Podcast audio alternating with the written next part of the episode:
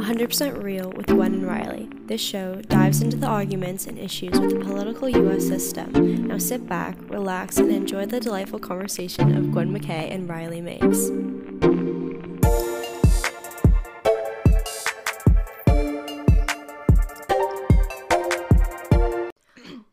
Welcome back, everyone, to 100%, 100% Real with Gwen and Riley. The main topic of today's conversation is drumroll the Democratic and Republican view on gun control and how it affects American citizens. Wow, that's a very heavy topic. I know, right? I have so many questions, but first, to clarify, um, I'm going to ask what is the Republican viewpoint on gun control?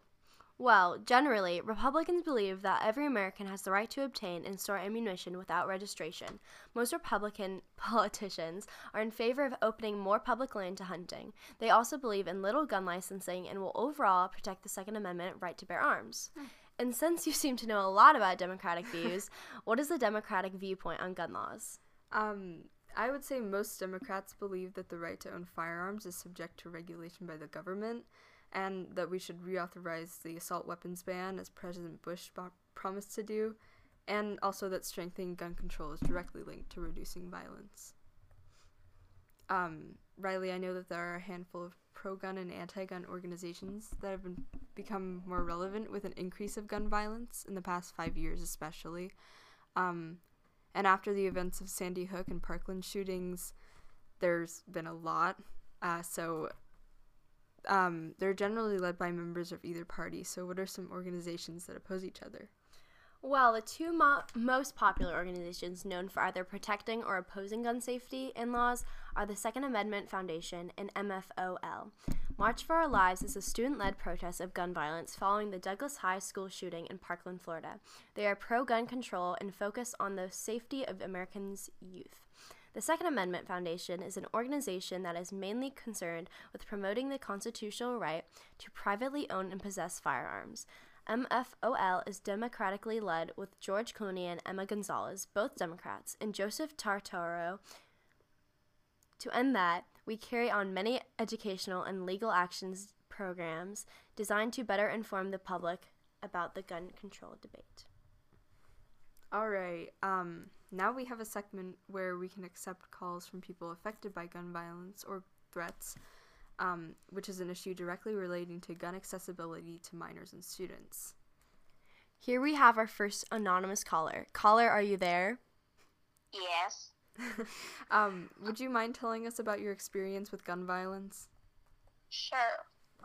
So, I stayed after school one day to work on a project in the library, and there was like a lot of other kids there too working on projects. Mm-hmm. And one of the guys who was monitoring like the kids to make sure they were doing the right thing got something on his walkie-talkie, and he just ran out of the library. And we were all kind of confused.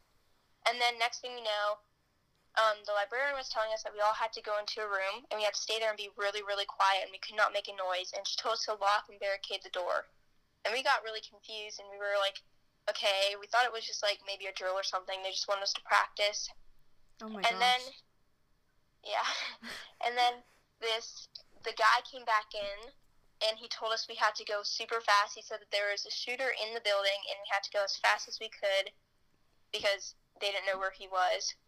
So we were all we like barricaded the door and everything, and we were just like sitting in there. It was dead silent. Like there was this one girl who started to cry, and we were just like trying to be as quiet as possible, and I was honestly shaking. I was like, didn't know what was happening, and I was like trying to text some people, but I couldn't because I was so scared. And we just like we had no idea what to do, and then we heard like footsteps, and we honestly were like, I was I thought this was the end, but um, it was like they banged on the door a few times and then just went away, and we sat there for like almost 45 minutes. It was so scary, and then the guy got like he kept getting updates on his walkie-talkie. They didn't know where the guy went, so they were just staying alert and making sure that we stayed in there just in case. And then after that, they just told us to go out of the room and they said just go home right away, like go home safe, be safe, and we didn't know what happened after that, but it was just honestly very wow. scary. Oh my gosh, I'm so yeah. sorry you had experienced that. That sounds crazy. Oh, okay. Yeah. Speaking of, what political party do you identify with? Democrat. Um, uh, we were gonna ask too. How do you view gun regulation? Do you agree with it? I do not agree with the regulations right now. I feel like they should definitely control all the gun violence going on right now and make it better so that this stuff doesn't happen. Yeah. Wow, I'm so sorry. Thank you so much for calling Yeah, and thank sharing your story.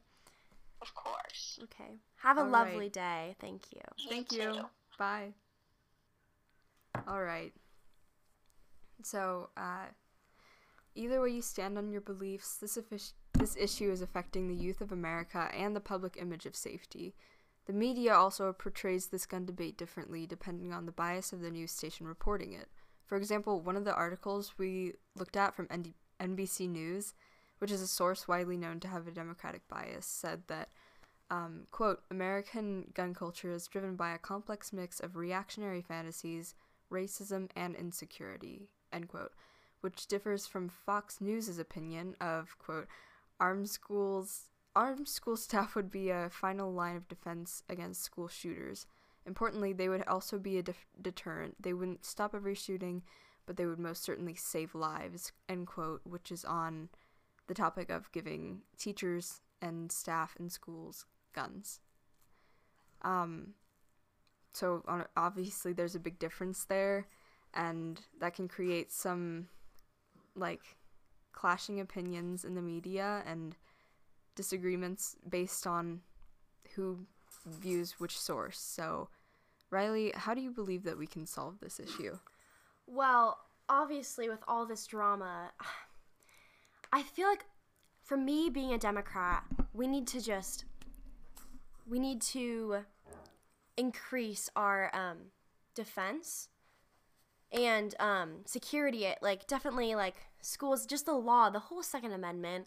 It needs to um, like increase our safety because it's just too dangerous right now like with all these shootings um and just like gun violence in general like like many states have like just banned guns in general and need like okay me being a democrat i'm a very strong democrat and so i believe that like i don't like guns in general Yeah, at all yeah. like so i mean if it was my choice i would just i don't need guns we can just like leave it to hunters who actually need guns to survive rather than people who just hunt for sport. Yeah, and especially um like just putting tighter security on them would like very strict control.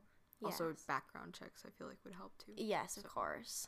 Um, speaking of this, um, the airport has enhanced its security since 9/11 because of terrorist violence and the unsafety of gun control.